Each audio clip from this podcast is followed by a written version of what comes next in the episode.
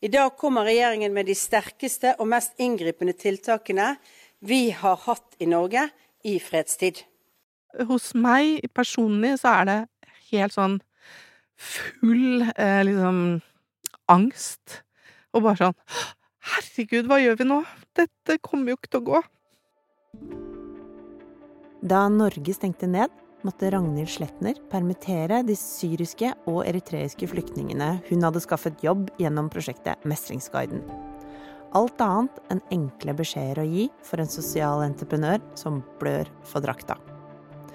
Nå, snart to år senere, er det ting som tyder på at Ragnhilds drøm om å gi jobb til flyktninger som ikke har kommet seg inn på arbeidsmarkedet, vil realiseres. Og det i enda større skala enn hun tidligere hadde turt å håpe på. Velkommen til podkasten 'Dette hadde jeg ikke fått til aleine' fra So Central. Jeg heter Mette Øynes Haberstad. I samtalen du nå skal få høre, skal du få møte en du kanskje kan lære en ting eller to av. For Ragnhild Sletner har gått veien fra å være en hardtarbeidende og noe ustrukturert frivillig til å bli en proff, strukturert sosial entreprenør. Som skaper store verdier for sine kunder og for samfunnet. Historien starter midt i flyktningkrisa i 2015, og Ragnhild har akkurat opprettet et enkeltpersonforetak. Helt i begynnelsen så tenkte jeg at, uh, at det var dette jeg skulle gjøre. Jeg skulle være en mestringsguide, da, ikke sant? Derav navnet på, på, bedriften. At jeg skulle guide folk inn. Først ved å liksom sørge for at de fikk et sted å bo, og så guide de videre i forhold til liksom alt det som skjedde etterpå, da, med Eh, alle rettigheter man har, alle brevene fra Nav. Og så var det sånn, ok, mange av disse kan ha en deltidsjobb mm. mens de går på introduksjonsprogrammet og lærer norsk, ikke sant. Mange av de snakker jo engelsk, mm. eh, og hadde jobbet for eksempel i restaurant og i, uh, tidligere. Så jeg tenkte, da bruker jeg mitt nettverk, hadde et lite nettverk innenfor folk som jeg kjente som drev restaurant eller bakeri eller sånne ting, og tenkte da må jeg bare få de inn der. Mm. Få de til å få jobb. Så da begynte jeg med det, da. Prøvde å liksom skaffe jobb til folk. Um, og det gikk jo egentlig ganske bra. Og så var det jo den der liksom Det som endra seg enda mer, var jo at jeg liksom fikk så Folk var jo veldig takknemlige, ja. ikke sant? Um, og hver gang jeg hadde hjulpet noen med et eller annet, da Og dette her har jeg fortalt hundre ganger, men det er jo det som er liksom Gjorde at ting kanskje også gikk i en helt ny retning det var jo at jeg ble invitert på middag, mm. sant. Um, og fikk jo servert sånn derre sjukt god mat. Uh, og syrisk kjøkken er liksom helt sånn Ja, det er helt uh, enormt stort og fantastisk. Og jeg har alltid vært veldig opptatt og glad i mat. Mm. Um, og så var det noe som skjedde i det øyeblikket jeg var, gikk fra å være den derre hjelperen som mm. liksom kunne alt, ikke sant, i dette samfunnet, mm. uh, til å være gjest. Ja. Og til å sitte sitte rundt et bord sammen eh, og snakke om maten som de hadde tilberedt, historien rundt det. Mm. Da ble samtalen en helt annen, mm. eh, og så ble vi likeverdige. Eh, og det var jo veldig sånn herre Altså litt sånn aha-opplevelse for meg, og litt sånn Det var utrolig deilig og fint.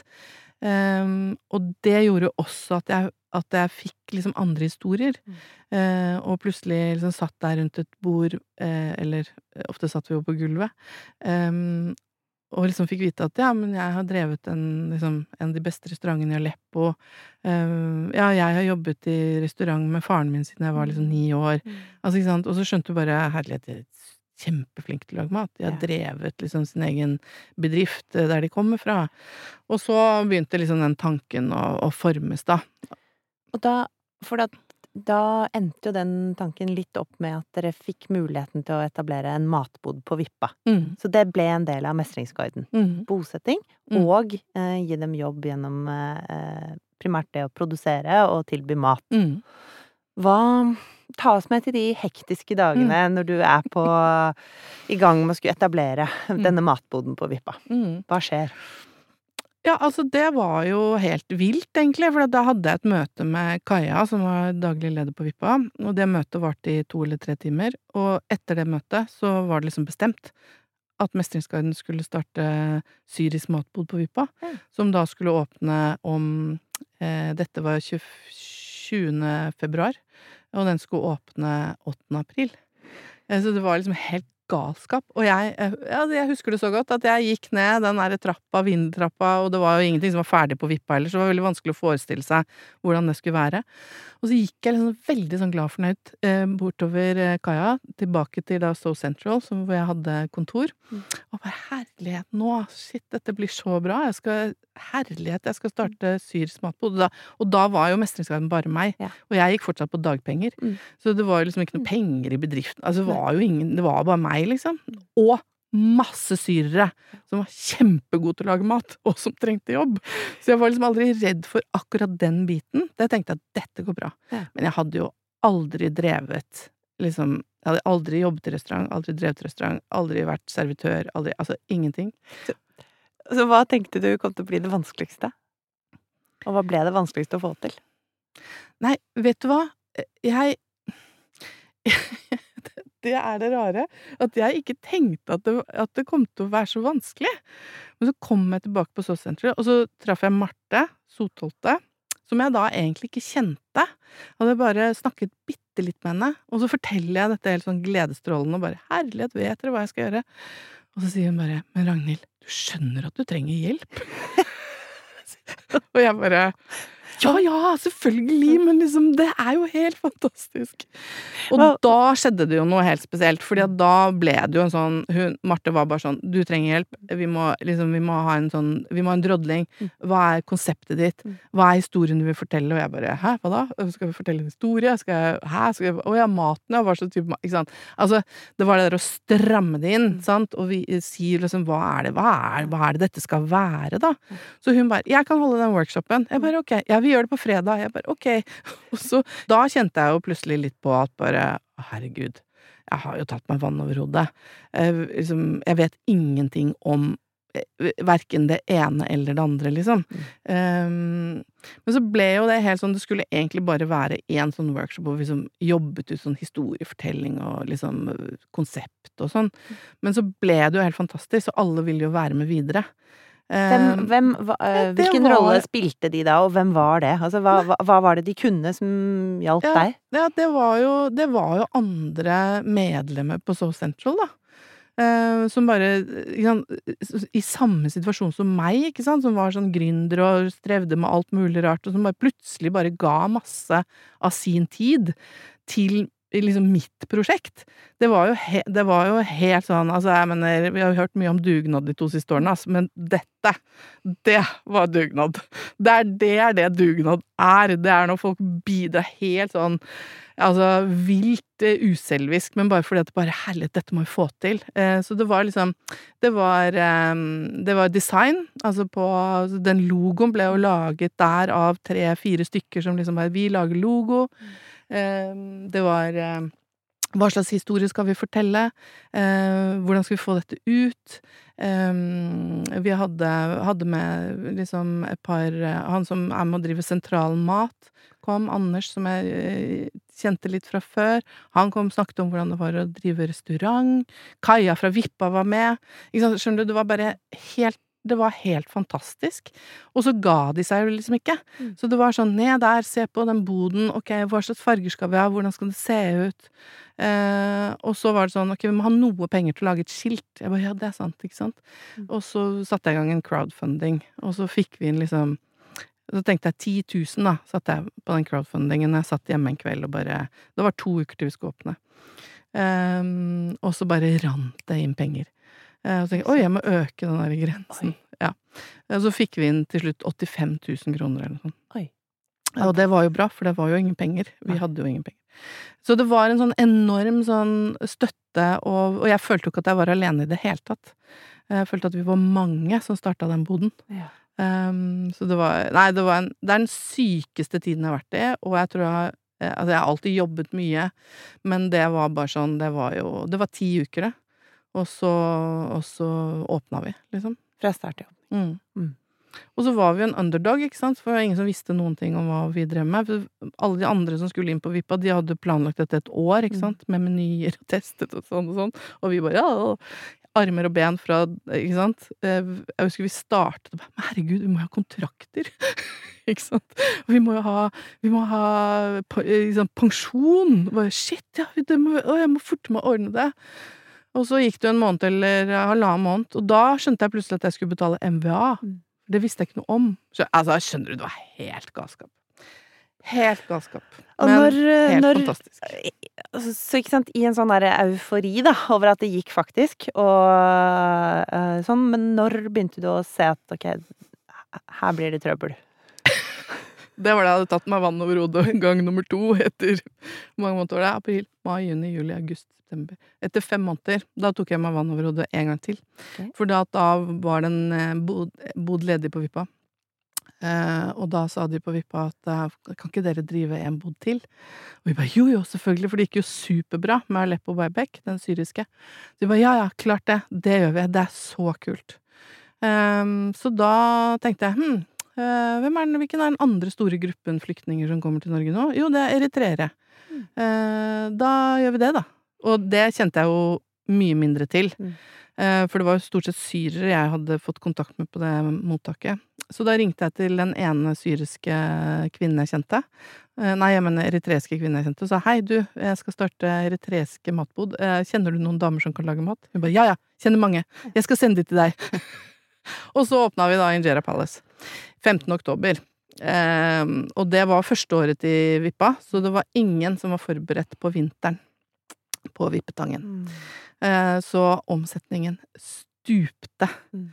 Um, og vi var jo helt enige om at uh, Injera Palace uh, og Eritresk mat var et helt annet og mer risikoprosjekt enn den syriske matboden, for den gikk kjempebra, men mm. vi tenkte at vet du hva, den går så bra mm. at den kan sponse den andre boden. Mm. Eh, og rett og slett skape flere arbeidsplasser, for det overskuddet fra den kan gå inn der, selv om det ikke går liksom så bra med den. Men så stupte jo omsetningen på Aleppo på òg. Mm. Tenkte du da at liksom, ok, nå har fryktløsheten min bare løpt litt løpsk? Eh, ja, det gjorde jeg. Da jeg kom i mm, liksom til nyttår jeg hadde jo ikke peiling på regnskap og sånn heller, ikke sant. Så, så, når folk liksom spurte meg om Jeg husker en, en episode hvor jeg hadde en veldig god venninne av meg som jeg har kjent siden videregående, og vi er kjempenære og gode venninner, og hun er sånn businessdame. Uh, og så spurte meg liksom uh, Ja, hva er omsetningen din? Den kunne jeg fortelle om, mm. for det, det visste jeg jo. Uh, og så men hva er, hva er lønnskostnaden din? Jeg vet ikke. hva, men hva er varekost, da? Ja. Og, bare, og, så sa jeg bare kan vi være så snill bare drikke vin? For det, dette orker jeg ikke å snakke om. Ja. Og da skjønte jeg bare at dette har, jeg har null kontroll på disse tallene. For én ting er å snakke om omsetning, og omsetninga var så høy som bare det, men når du ikke har styr på de andre mm. kostnadene dine, så er du egentlig ille ute. Og da følte jeg at jeg bare var på så altså tynn is. Mm. Og da tenkte jeg at nå har du bare eh, liksom latt som at dette kommer til å gå bra, og så er du i ferd med å liksom kjøre det helt i senk. Og da var jeg så streng og så hard med meg selv at jeg tenkte at du er verdens verste menneske. Som har liksom Som trodde at dette bare skulle gå uten at du egentlig hadde styr på det. Jeg søkte på social, som da het Social Startup, eh, Social eh, Impact Startup nå. Eh, det var første året det var, og så kom vi med på det. Og det var jo Hadde vi ikke kommet ned på det, så hadde vi jo gått konkurs, tenker jeg da. Fordi at det, det hadde jo Hva lærte du der, da? Nei, altså da, For det første så fikk jeg veldig sånn beroliget med at, vet du hva, eh, dette er helt normalt. Det var kanskje den som gjorde at jeg bare ble mest sånn ok, er, å ja, er det vanlig å ikke gå med overskudd, liksom? Første året du starter en bedrift. Ikke sant? Litt sånn um, Ok, greit. Åh, det var liksom Det var skikkelig deilig. Men, men problemet mitt var jo at jeg hadde mange ansatte. Mm. Uh, for kanskje forskjellen på vår bedrift og kanskje de andre som var med, veldig, veldig mange av de som var med i Social Startup mm. da, det var jo at de det var bare, bare dem og kanskje en til som tilbudt tjenester, mens jeg hadde jo masse ansatte. Så, så fallhøyden min var så stor, da. Mm. Eh, for det var jo de Jeg var jo aldri engstelig for meg selv. Mm. Eh, og at ikke jeg skulle ha liksom lønn, det var jo sånn Ja ja, det ordner seg. Men det, det, var, jo, det var jo dem. Um, og så selvfølgelig, vi hadde fått masse oppmerksomhet og sånn, så det der, det var jo helt forferdelig å skjønne at herregud, vi går jo liksom underskudd. Mm. Det er jo ikke penger nok til å overleve de, eh, ikke sant, januar, februar, mars. Mm. Hva gjør vi nå, på en måte? Så Hvilket år er du i nå? eh, da er vi Rett og slett. 2018. 2018. Ja, ja, Ja. så det er ikke gått så lang tid heller. Nei. Nei. Men du, og hva ble løsningen, da? Nei, løsningen var at vi fikk jo litt lån, Ja. um, for å greie oss over kneika, og så betalte vi jo det lånet igjen med en gang, i juli liksom, så var jo det tilbakebetalt, for da var jo omsetningen oppe igjen, ikke sant? Ja. Eh, så da var det litt sånn, ok, dette, dette går bra, liksom. Men så gjorde jo egentlig ikke det, for vi driftet jo for dyrt, Mm. på et vis. Eh, men det gjorde vi jo fordi vi jobba på den måten vi gjorde, og var, det handlet om selvfølgelig å, å selge mat, men det handlet også om å skape gode arbeidsplasser Mm. for folk som ikke har jobbet i Norge før. Mm. Um, ja, så, så det var kjempetøft. Det var, det var jo Det var jo Kom jo aldri noe sånn forløsning. Eh, så vi jobba jo beinhardt. Eh, altså, jeg, jeg føler at jeg løp etter meg selv fra start. Mm. Um, Og det gjorde du.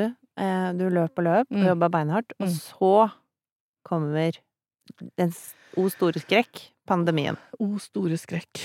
Og da hadde vi jobbet så hardt høsten 2019 Mm. og julen 2019. Da hadde vi flyttet Injera Palace til Grønland, Mm. så det ble egen restaurant, Mm. og der hvor vi også drev en kafé. Um, og så flyttet vi den. Vi skapte noen helt sånn fantastiske julebord slash festbord på, der borte på, på Grønland hos Injera Palace. Var liksom på vei til å liksom skjønne at nå, vet du hva, nå har vi funnet noe som er helt fantastisk. Um, og det er å sitte ved det bordet, spise sammen, fortelle historier til gjestene. De ansatte var med Altså, det var helt sånn Det var helt magisk. Um, og vi bare tenkte nå, nå har vi funnet en nøkkel Mm. som gjør at dette skal gå bra. Og så er, kommer liksom da mars 2020, Mm. hvor vi er sånn nå Det var tøft, vi hadde tatt noen skikkelig harde grep. Mm. Eh, vi hadde permittert meg selv Mm. og Kristine, som jeg jobbet sammen med. Så det var, altså, vi var jo ordentlig på sånn, men dette, hvis vi gjør det, da kommer vi i havn. Det var liksom Det var det vi visste. For vi hadde, nå hadde vi koll på regnskapet vårt og budsjettet vårt, så da var det liksom veldig Ja. tydelig. Ehm, og så stengte alt ned. Og det var Altså, Ok. Hva opplever du da? Hva skjer da? dette Mm. Ja. Hva er det som foregår på dine steder da? Da er det sånn Hos meg personlig så er det helt sånn full eh, liksom angst. Og bare sånn Herregud, hva gjør vi nå? Dette kommer jo ikke til å gå. Oi, jeg må ta meg litt. Ja, ja, det skjønner jeg. Det er lov. Tøft. Så dere har, eh, Ragnhild, dere har nijobbet. Endelig begynner du å se lys i tunnelen for at Injera Palace også kan bestå. Dere har fått opp på beina igjen. Eh, Du har gått så langt at du har permittert deg selv og din eh, medkollega for å få det til. Mm. Eh, Og du begynner å tenke at ok, nå snart så kan dette seile for eget, egen maskin. Og så bare kommer det en pandemi. Altså, det er sånn, du vet når folk sier at liksom eh, grunnen forsvinner under deg. Det var en sånn følelse. Mm. Det var en følelse av bare Men altså eh, Og når du skjønte at dette her er Jeg skjønte veldig fort at dette her er ikke over på to uker, liksom. Eh, dette her kommer til å vare, og dette kommer til å få helt sånn enorme påvirkninger. Og da vil jeg liksom måtte eh, permittere alle, skjønner du? Mm. Det var altså Alle måtte inn og bare Vi må permittere. Så det å måtte komme til dem og si at beklager, jeg har ikke jobb til dere lenger, er det det verste du har måttet gjøre? Det er det verste. Og det, og, jeg, og det sier jeg også, og jeg har vært gjennom skilsmisse. Jeg har vært ute en vinternatt, og jeg har, liksom, jeg har men, men det derre Det å ha det derre Fordi jeg følte altså så stort ansvar for dem. Mm. Eh, at det at jeg liksom måtte gå til dem og si at ikke engang jeg Mm. eh, kunne liksom gjøre dere trygge i arbeidslivet. Det var bare Nei. Så hva, hvor er det, hvor står Mestringsguiden og Injera Palace nå? Nei, uh, Injera Palace og Frodi, den kafeen, den, de er avviklet. Så de er De eksisterer ikke lenger, annet enn i hjertet mitt. um, og eh, Aleppo Bahebek, eh, takk og lov, så greide jeg å, å få snudd det, sånn at der har eh, Sag, som da var kjøkkensjef hos oss eh, på Aleppo Bahebek, han har tatt over Aleppo Mm. Barbek, og det er helt fantastisk. Mm. Så det føler jeg liksom Oppi all den elendigheten, Mm. så er det på en måte det jeg kan si at fader, det er et helt fantastisk resultat. Mm. Eh, at han har eh, fått sin egen bedrift, tatt over den, kjøpt og betalt den, og driver den helt sjukt bra. Og til tross for disse usikre tidene og sånn, så gjør han det superbra. Og plutselig så er, er jeg på hans lønningsliste istedenfor motsatt. Det er også ganske gøy. Så, men hvor er du? Ja, jeg, jeg var jo litt sånn hm, hva skal, hva skal jeg drive med? Så jeg drev jo bare og la ned og avviklet og var jo en helt sånn Ja, det var, det var mørkt, altså. Oppi mitt topplokk. Eh, samtidig som jeg var veldig sånn tydelig på at jeg ikke ville legge ned Mestringsguiden. Jeg var jo sånn ok, vi legger den i dvale. Um, jeg skal på et eller annet tidspunkt bygge opp. Altså litt sånn. Det var jeg veldig tydelig på. Um, så jeg var liksom ikke Jeg var ikke på Finn og drev og søkte jobb, for å si det sånn. Jeg var veldig sånn tydelig på at dette skal, dette skal opp igjen på et eller annet tidspunkt. Kanskje annerledes, men i hvert fall. Men så fikk jeg da et eh, tilbud fra Nav eh, Grorud, og Jobbsjansen der, og hvor de hadde et eh, prosjekt som de gjerne ville ha på bena. Og det var et eh, vegetarkjøkken som da skulle levere skolemat, gå inn mot eh, det segmentet. Eh, og hvor målet var å skape arbeidsplasser for innvandrerkvinner som da hadde vært med i Jobbsjansen. Eh, så først var jeg bare med som konsulent, og liksom ga, meg, ga dem mine råd da på, på veien i å liksom igangsette det. Men så var de sånn, ok, men vi må jo ha en, en arbeidsleder. Eh, vi må ha en som drifter det kjøkkenet, og som driver det, er der daglig, og får dette opp og gå. Og det må være deg. Og jeg bare, hæ, meg? Nei, men jeg driver jo bare og avvikler og legger ned ting. og så fikk jeg det, mm, så fikk jeg den jobben der, da. Em, så, der, så de sa, vi må ansette deg. Jeg bare, nei, beklager, det går ikke, jeg kan ikke være ansatt i Nav.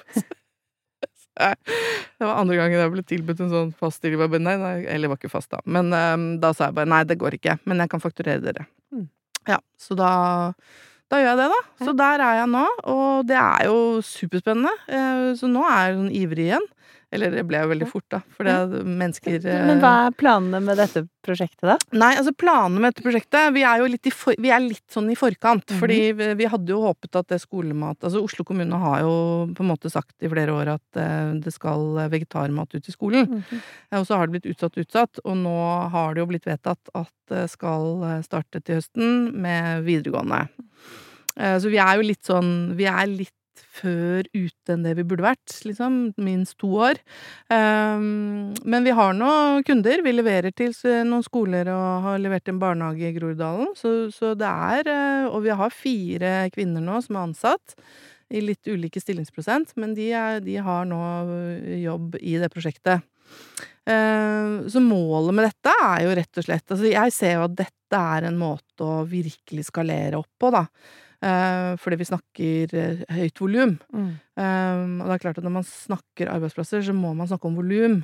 Ja. Eh, og det er jo mye større volum i dette enn i en liten restaurant, for eksempel. Så altså, fordi det Jeg er dedikert på å skape nye arbeidsplasser. Eh, og arbeidsplasser for de som står langt unna. Ikke fordi de ikke vil jobbe, men fordi de ikke får jobb. Rett og slett. Mm. Eh, og det er en kjensgjerning at de kan gjøre alt de vil, eh, og alt de kan, og si ja, men jeg har det kompetansebeviset, jeg har den Mm. praksisen, jeg har det, det, det. Altså, de, de kan ha Jeg har hatt folk hos meg som har bunker, eh, men de får ikke jobb. Um, og det er de jeg vil skape arbeidsplasser for. Mm. Um, og da ser jeg jo at å gå inn i, i dette segmentet uh, hvor det både er liksom uh, store mengder, men også uh, jobber vi jo med hvordan Og det er gøy, da, fordi jeg jobber sammen med uh, Nav, og pengene kommer fra IMDi og fra områdesatsingen og delprogram sysselsetting. Og det vi jobber med, er hvordan kan vi få kommunen til å bli kunde ikke sant? Mm. Og det når man plutselig da har felles mål, mm. jeg som sosialentreprenør og Nav og bydelen har samme mål, ja. hvordan kan vi få rett og slett eh, den kommunale kunden til å kjøpe dette produktet av oss som sosialentreprenør? Mm. Um, så det jeg sammenligner det lite grann med, det er for eksempel uh, Eh, vi har jo brukt eh, Hovelsrud gård. Eh, vi er jo en stor kunde av Hovelsrud gård som produserer økologisk kylling. Mm. Og der har man da, ikke sant Når du skal produsere økologisk kylling, så har du De har vel 2000 kyllinger på den samme plassen som en industrikyllingprodusent ville hatt 8000 kyllinger, ikke sant. Mm. og så lever de, nå husker jeg ikke hvor mange uker lenger, men de lever ganske mye lenger og har et helt annet fôr og et helt annet liv. Mm. og på andre enden så koster det mer. Mm. Og det er liksom ikke noe vanskelig for en, en konsumer å forstå. Mm. At det er både et debiomerke på, altså økologisk, og det er dyrevernmerke. Mm. Ok, fint, da koster det mer. Og det er det samme som de arbeidsplassene som eh, jeg skaper. Eh, de er De har inneholder ikke bare høyproduktivitet. Mm. Um, og derfor er også det produktet som kommer ut i andre enden, det er dyrere. Ja. Og det må man betale for. Ja. Så det er, utfordringen nå er jo både for kommunen For kommunen er kanskje det vanskeligste å få til å um, betale mer for noe. Hvorfor det? Det er fordi at anbudene, anbudsrundene, eh, som er offentlige anbudsrunder, er så kompliserte og vanskelige, og det går nesten kun på pris. Mm. Så de må også jobbe med hvordan kan man eh, drive innovative anskaffelser. Mm. Sånn at man kan faktisk be om å, å sette flere kriterier, da. Mm. Sånn som man ville gjort hvis man skulle kjøpt økologisk. Så er det flere kriterier. Det er ikke bare pris, det er mange ting. Og det er det jeg vil skape. Jeg vil skape disse arbeidsplassene som har det rommet. Eh, og så blir det dyrere igjen. Og så må vi vise hvorfor det blir dyrere. Eh, for man må betale for det, da. Um, Men samfunnsøkonomisk svært lønnsomt, høres det ut som. Svært lønnsomt. Mm. Uh, men det gjenstår jo på en måte vi jobber jo, Det er mange miljøer som jobber med ikke sant? Uh, hvordan skal vi vise og måle dette. Mm. Og jeg gleder meg. Uh, om noen uker så skal vi jobbe med akkurat det. Mm. Og putte inn disse tallene fra Vegetarekspressen. Og faktisk, eh, tenker jeg, få ut et tall på enden og si dette sparer vi. Mm. Hvis man greier å ha et par tanker i hodet på en gang, da. Og det føler jeg kanskje at jeg er god på. og, da, sånn ja, og da tenker jeg at da trenger man liksom ikke bare å tenke på å ja, vi skal ha for eksempel skolemat, da. Det skal være sunt og godt og det skal være vegetar og ikke matsvinn. Hvis man i tillegg tenker å, eh, vi skal også i det sysselsette. Eh, og hvem er det vi skal sysselsette? Jo, vi skal faktisk sysselsette de som står lengst unna. Så Men da er det jo noen siloer som må ned, da, ikke mm. sant. Det er noen, det er noen budsjetter som må krysses. Um, og, må, og, man må kunne samarbeide på tvers. Men det er derfor jeg er så utrolig fornøyd da, med det å, å jobbe nå så tett Eh, med Og jeg må bare si det at eh, Grorud er helt sånn fantastisk, fordi de tenker så eh, nytt og, og, og, og, tenker skikkelig alvorlig på hvordan skal vi få dette til. Og jeg føler en sånn enorm respekt også som sosialentreprenør. Mm. At de har respekt for mitt arbeid mm. og, og min tankegang, og det er det de vil. Ikke sant? Det er ikke sånn 'Å, kan vi bare plukke pick your brain?' Mm. Og så bare 'Å, takk skal du ha', og så er du borte. Eller bare 'Å, å men da kan du bare ta over dette prosjektet'. Mm. Og så sitter du her med alle de ansatte og arbeidsgiveravgift og moms på, altså herfra til evigheten, mm. og så går det ikke. Ikke sant? Men ok, dette er jo en veldig lang reise fra en, eh, en som gikk til Securitas-vaktene på UD og spurte om hva hun kunne få av muligheter hvis hun studerte russisk. Mm. Eh, så eh, hva tenker du er motto i fortellinga di? Ja, hva er motto i fortellingen min? Jeg vet ikke. Det er jo eh, det er jo kanskje litt det der at liksom eh, Gjøre ting på tross av, da. Mm. Rett og slett. Fordi at ofte så har jeg tenkt at hvis jeg hadde visst på forhånd, ikke sant, og det handler litt om det Hvis du hadde visst på forhånd alle de der, Alt det jeg vet nå, eh, så kanskje jeg ikke hadde gjort det. Eller hvis jeg hadde tenkt, eh, da jeg skulle åpne eh, Aleppo Bahebek eh, Hvis jeg hadde visst at du må betale MVA, du må arbeidsgiveravgift, du må kunne noe som heter nøkkeltall, Mm. du må skrive budsjett, du må faktisk være komfortabel med Excel, Mm. så har jeg sagt at det der orker jeg ikke. Jeg gjør noe annet, jeg. Mm. Eh, men jeg visste ikke det. Så noen ganger tenker jeg at det er litt sånn bra å ikke vite alt, og så si vet du hva, jeg kan ikke det der, men jeg gjør det fordi. Mm.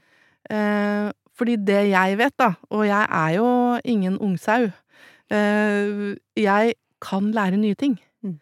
Eh, og det må jeg også si, da, at hvis jeg Av og til så treffer jeg igjen folk som jeg ikke har sett på lenge, og som eh, på en måte kjente meg før. Mm. Eh, og jeg som sagt, jeg satt med hun venninnen min, som jeg jo kjente godt, og ble helt sånn rød i ansiktet. Mm. Og sa jeg jeg orker ikke å snakke om din nøkkeltall, jeg vet ikke hva det er. Jeg bare, kan vi bare drikke vin, liksom? Eh, fra nå hvor jeg har liksom styr Mm. på eh, tallene mine, Mm. og jeg vet hva som skal til. Mm. Eh, og jeg vet hva som skal til eh, på den utprisen for å få dette til å gå. Eh, og de som hører på meg nå og tenker 'hæ, er det Ragnhild Sletner?' Det kan ikke stemme, for hun hatet Excel. Hun kunne ingenting i Bedduck. Ikke sant? Altså virkelig, det tenker jeg at det er liksom At man kan få til utrolig mange ting, da. Um, men det som driver meg Jeg har jo aldri giddet å gjøre dette før. Eh, så du kunne ha sagt til meg ja, men det er kjempespennende med regnskap. Yeah, right. Det er ikke spennende. Men i det øyeblikket det er et verktøy for å få til det jeg ønsker, eh, da er det plutselig spennende å få det til, da. Eh, og det jeg vil, er å skape masse nye arbeidsplasser. Rett og slett. Har du blitt nysgjerrig på sosialt entreprenørskap, eller fått lyst til å bli en del av et større miljø som jobber sammen for å løse store samfunnsutfordringer? Du finner oss på socentral.no.